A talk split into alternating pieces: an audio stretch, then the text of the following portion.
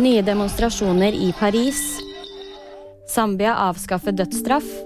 Og ribbesteking i Sør-Norge billigere i år enn i fjor.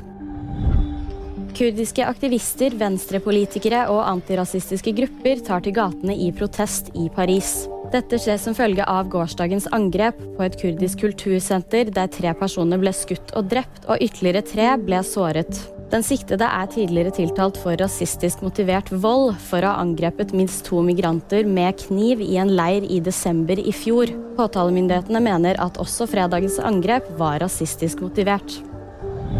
Zambias president Hakainde Hichilema vil avskaffe dødsstraff.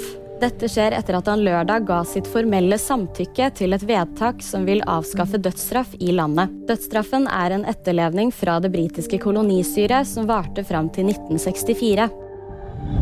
I år er ribbestekingen billigere enn i fjor i Sør-Norge. Det melder E24, som har gjort utregninger basert på tidligere anslag fra energiselskapet Fortum.